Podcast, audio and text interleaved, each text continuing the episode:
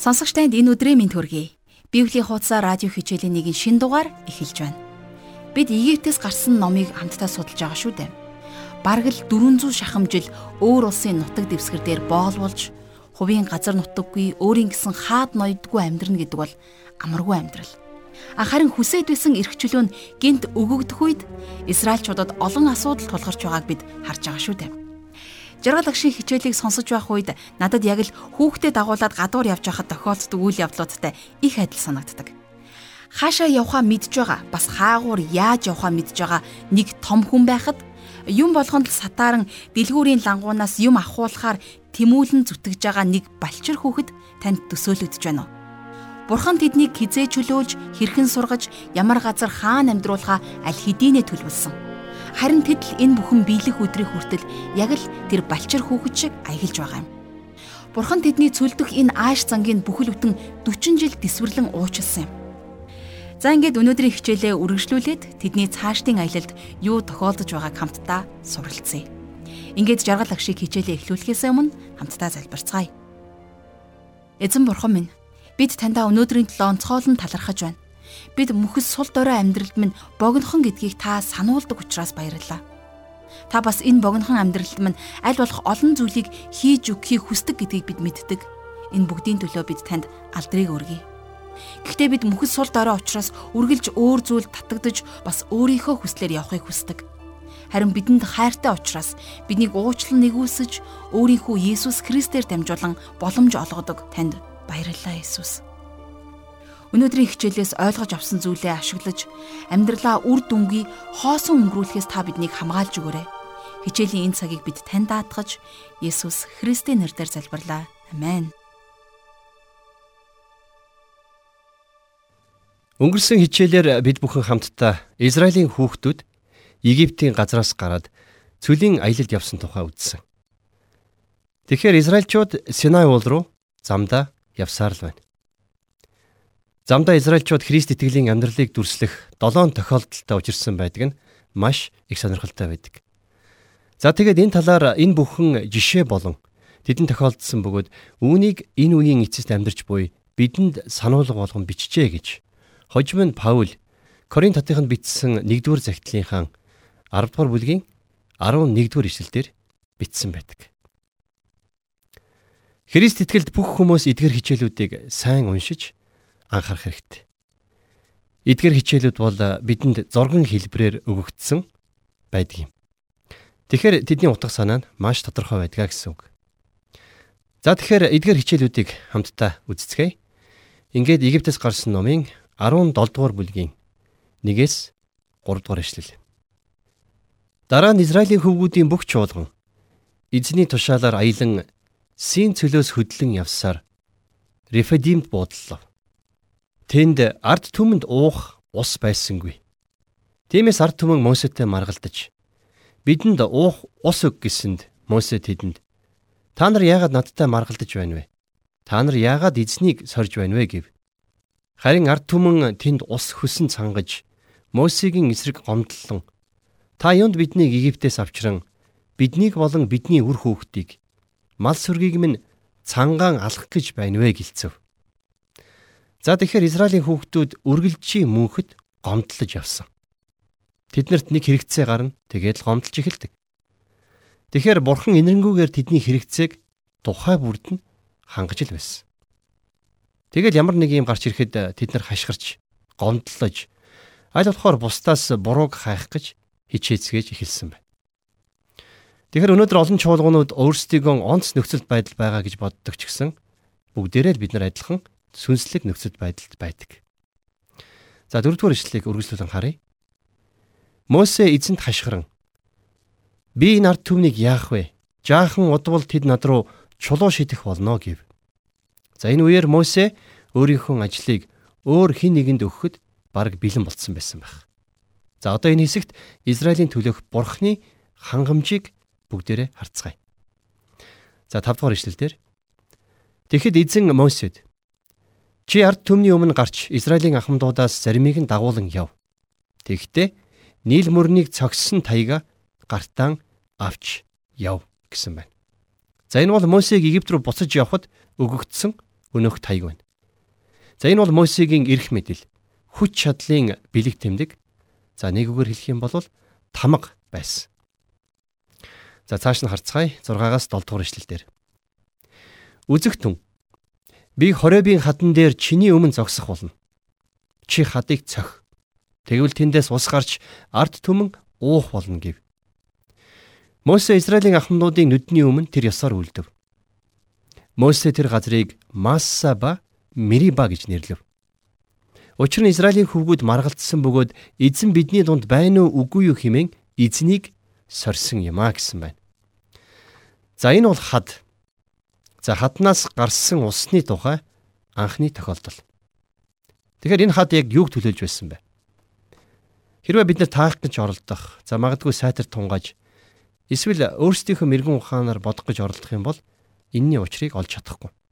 Харин Бурхны ариун сүнс энийг Паулаар дамжуулан Коринт хотынд бичсэн 1-р захидлын 10-р бүлгийн 1-ээс 4-т ингэж бичин тайлсан байна. Та нар дараах зүйлийг мэдэхгүй байхыг би хүсэхгүй байна.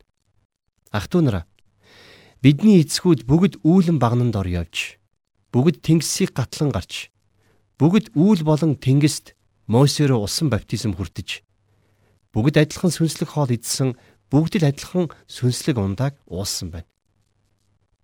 Тэднийг дагаж байсан сүнслэг хаднаас тэд ундаалсан юм.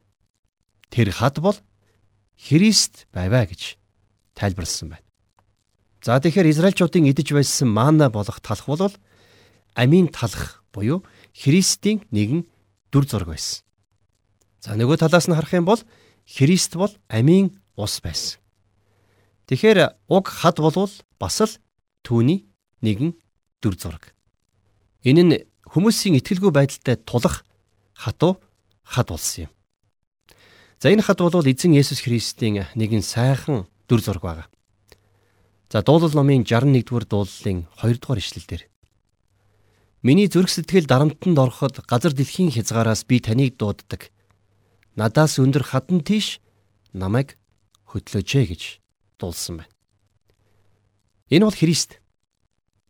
Дуулал номонд тэр хэсгийг бичсэн хүн Бурхан хэрхэн тэдний хад байсныг За мөн хамгийн дээд бурхан тэдний аврагч байсныг тэд санджээ гэж мөн нэмж хэлсэн байдаг. За мөн Петр хожим бидэнд шинэ гэрээ номон дээр үлдээсэн загталтай. За тухайлах юм бол 1-р загтлын 2-р бүлгийн 6-аас 8-р эшлэлдэр Энэ нь сударт харах тун би Сионд сонгогдсон булангийн үнэт чулууг тавина. Түүнд итгэгч хүн ичхүрт орохгүй. Тиймээс итгэгч та нарт Энэ нь үнэт. Харин үл итгэгчдэд барилгачдын голсон чулуу нь булангийн чулуу болвоо гэд бүдрүүлэх чулуу тэглэх хад болсон юм а гэж нэмж хэлсэн байна.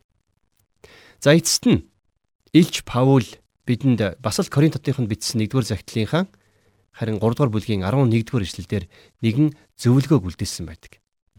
За энэ дээр юу гэж бичсэн байдг вэ гэхээр учир нь тавигдсан ганц суурь болох Есүс Христээс өөр суурийг хинч тавьж чадахгүй гэсэн байна.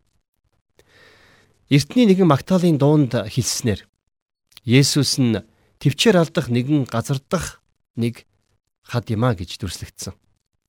За энэ нь бидний дээр нь амарч болох за мөн чуулганы баригдсан тэр нэгэн суурь болох Есүсийн гайхалтай нэгэн дүр зураг байгаа юм.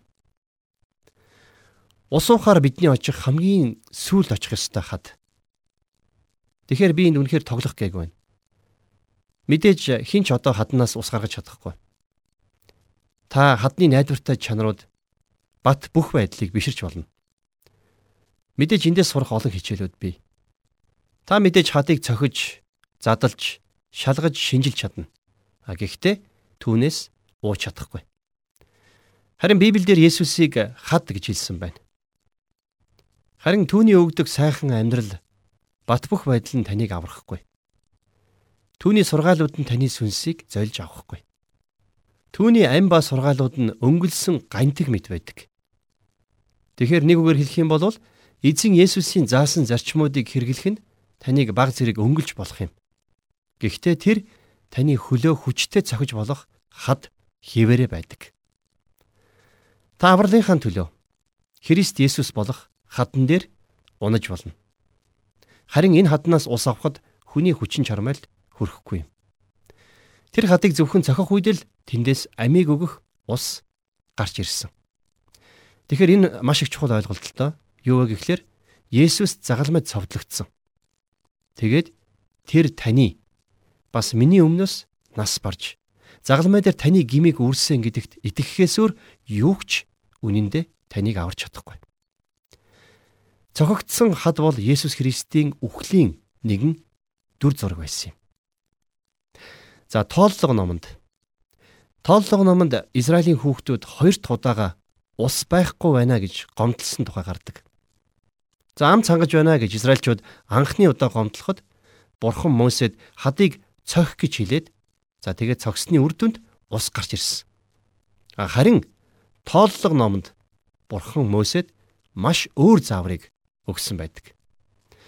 За энэ тухай сонирхолтой бүгд хамтдаа уншицгаая. За тооллого номын 20 дугаар бүлгийн 8 дугаар ишлэлдэр Бурхан Мосед таяг ав. Чи өөрийн ах Ааронтай хамт чуулганыг цуглуулад тэдний нүдний өмнө усыг нь гаргуулахаар хадтай ярих тун. Ингиж чи тэдэнд хаднаас ус гаргаж чуулган ба тэдний малыг услах тун гэж хэлсэн гэсэн байдаг. Тэгэхээр хоёр дахь удаадаа бол Мосе хадтай ярих хэрэгтэй байсан. Учир нь яагаад вэ гэхээр эхний удаа хад аль хэдийн цохигдсон байсан шүү дээ. Тэгэхээр энүүгээрээ би юу гэж хэлэх гээд байна вэ гэхээр Христ одоогоос 2000 жилийн өмнө цовдлогдсон. Тэгээд тэрээр загалмай дээр үхэхдээ за гүйцлээ гэж хэлсэн байдаг. Ингиж хэлснээрээ Есүс энэ дэлхий дээр хийх өөрийнхөө ажлыг бүрэн төгс дуусгасан. Тэгэхээр Христ дахин цовдлогдох хэрэггүй гэсэн үг. Бурхан Есүсээр дамжуулан таны төлөө хийсэн тэрхүү зүйлд өөрөө сэтгэл нь хансан. За тэгэхээр нэгэн асуулт гарч ирж байна. Та таны төлөө загалмай дээр хийсэн Христийн үйлсэд сэтгэл хангалуун байдгүй үгүй юу гэсэн асуулт. Таныг аврахын төлөө Есүс нас барсан. Таныг өөрийнхөө хүүд итгээсэ гэдэг нь Бурхны хүсэж байдаг зүйл юм. Тэгэхээр өнөөдөр Есүс Христ гэдэг хаднаас сүнсний ивэлүүд бидэнд ирдэг. Ивэлийн ус хатсан уруулыг сэргээхээр олгойдон гарч ирдэг гэсэн үг. За энэ тухай Паул Эфес хотынд бичсэн загтлынхаа 1-р бүлгийн 3-р ишлэлдэр Бидний эзэн Есүс Христийн эцэг ба бурхан магтагдах болтугай.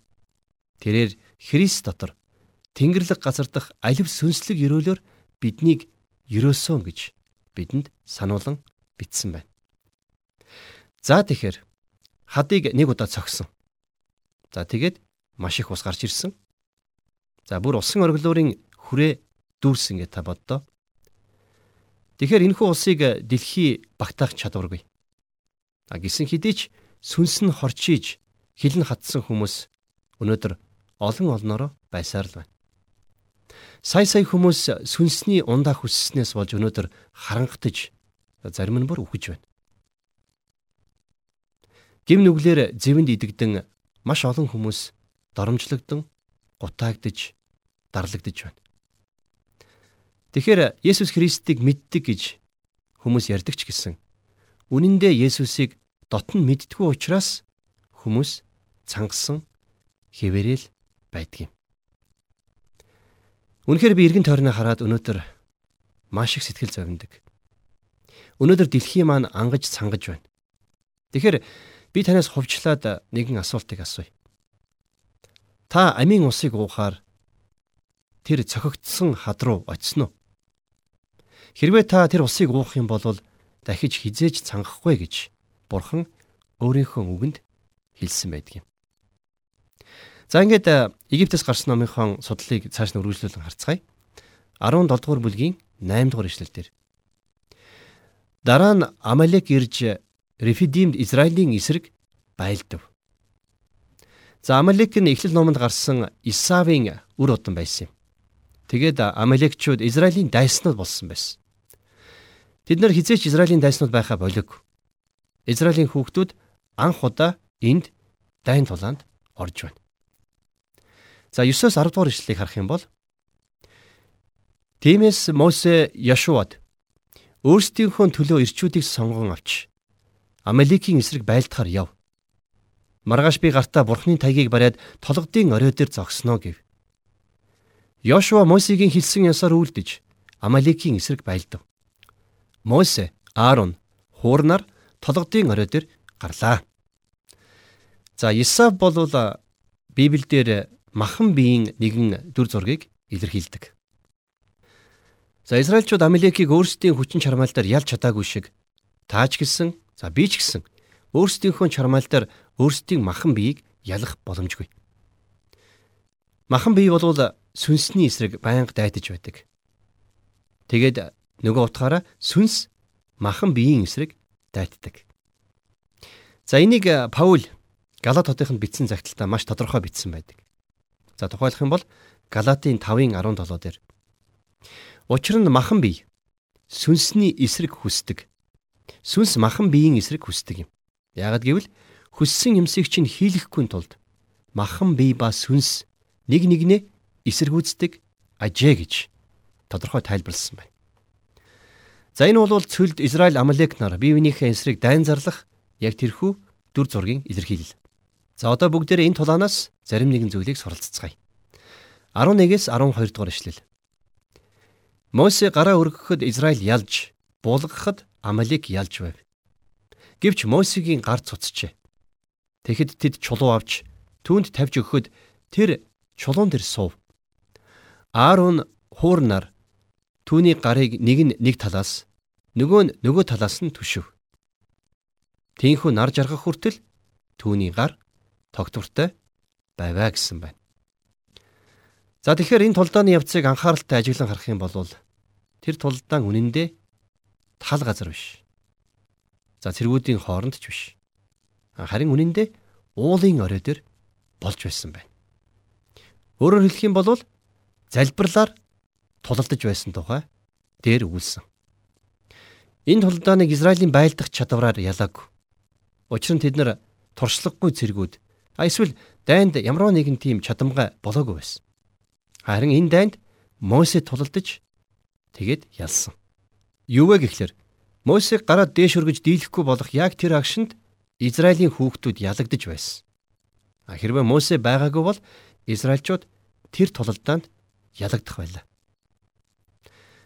Махан биеийг ялах ялалтыг бидэнд өгөгч цорын ганц тэр нэгэн бол ариун сүнс юмаа гэдгийг бид нэр цаг тутам санаж байх хэрэгтэй. Итгэгчид сүнс дотор алгаснаар ялалт ирдэг. Тэгэхээр та бид хоёр сүнснээс хараад бус үлдэх үед Амалек за нөгөөтэйгөр бидний махан бие амархан ялах болно. Тэгэхээр Мосегийн гар дээш өргөгдөх үед Израильчууд ялж байсан. Тэгэхээр та бид хоёр махан биеийг хизээч өөрсдөө өөрийнхөө чадвараар ялах боломжгүй. Зөвхөн Бурхны сүнсэл энийг хийж чаддаг юм. За цааш нь 13-аас 14 дугаар ишлэлээс харцгаая. Ингээд Амалек болон түүний ард түмнийг Йошуа элдний ирээр ялав. Эзэн Мосед үүнийг дурсгал болгон номонд бичиж Йошуад цээжлүүл. Учир нь би Амалекийн дурсамжийг Тэнгэрийн доороос бүрэн арилгана гэв. За одоо зогсоод Йошуа гэдэг нэгэн хүнтэй танилцах цаг ирж байна.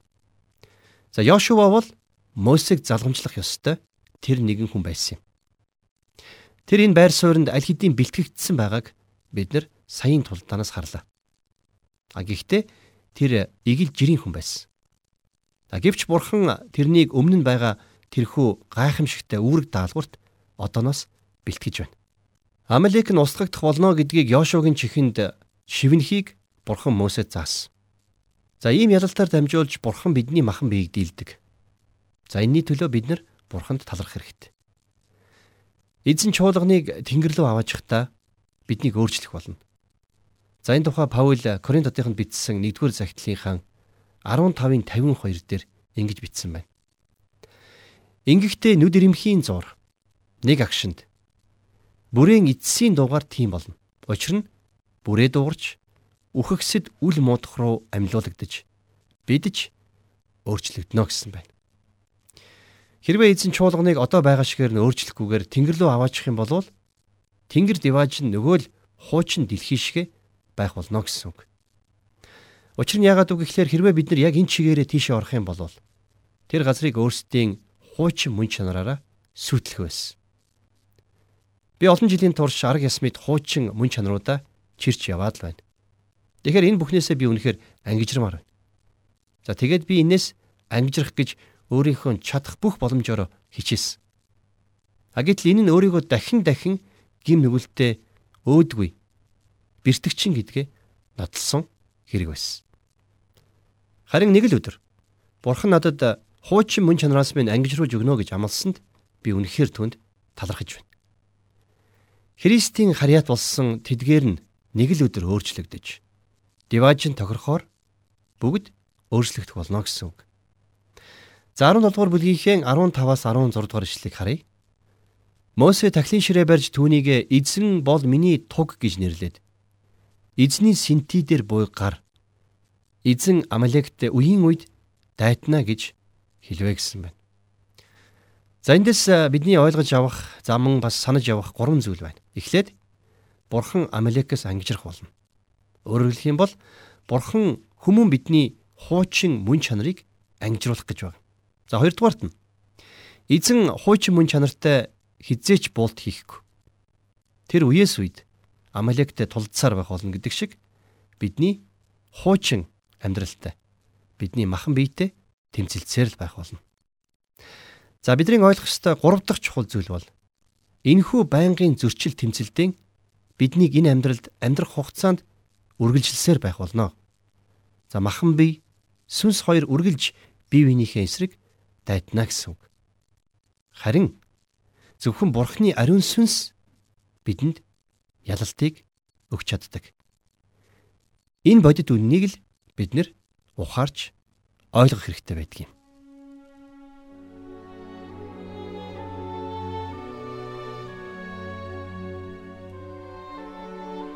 Тэгэхээр өнөөдрийн хичээлээс багшийн сүулт дурдсан гурван зүйлийг хаа нэгтээ бичиж аваад байнга санаж явах нь дээр юм шиг санагдлаа.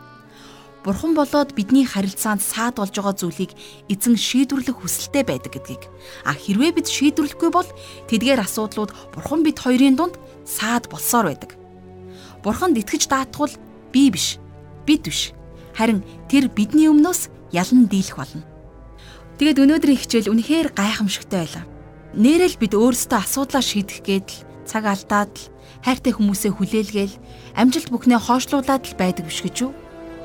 Бурхан бидний гим нүглийн эсрэг үргэлж дайтдаг бол бид ч гэсэн өөрсдийнхөө амьдралд байгаа муу мухай зүйлийн эсрэг байр сууриа үргэлж хадгалж ялан дийлэх учиртай юм шүү. Учир нь бид ганцаархнаа амьдраагүй шүү дээ. Ингээд хичээлээс сурсан зүйлийг сонсогч таны оюун бодолд үлдээгээд хамтдаа хичээлийн төгсгөлд бурханд талархах цаг гаргацгаая. Эзэн бурхан минь бид танд үнэхээр талархаж байна. Та зөвхөн Мөсегийн үед хүмүүсийн төлөө тулалдаж явсан нэгэн биш. Та одоо ч гэсэн бидний амьдралд байгаа тэр муу муухай хүлээс бүрийн эсрэг Есүс Христийн нэрээр тулаан хийж ялж байгаа учраас танд алдарн байг. Харин бид итгэмжтэйгээр өөрчлөгдөх хүсэлтэй, ялан дийлэх тууштай итгэлтэй яхад минь та туслаарай. Бид танд ам амьдралаа өргөж Есүс Христийн нэрээр залбирлаа. Амен.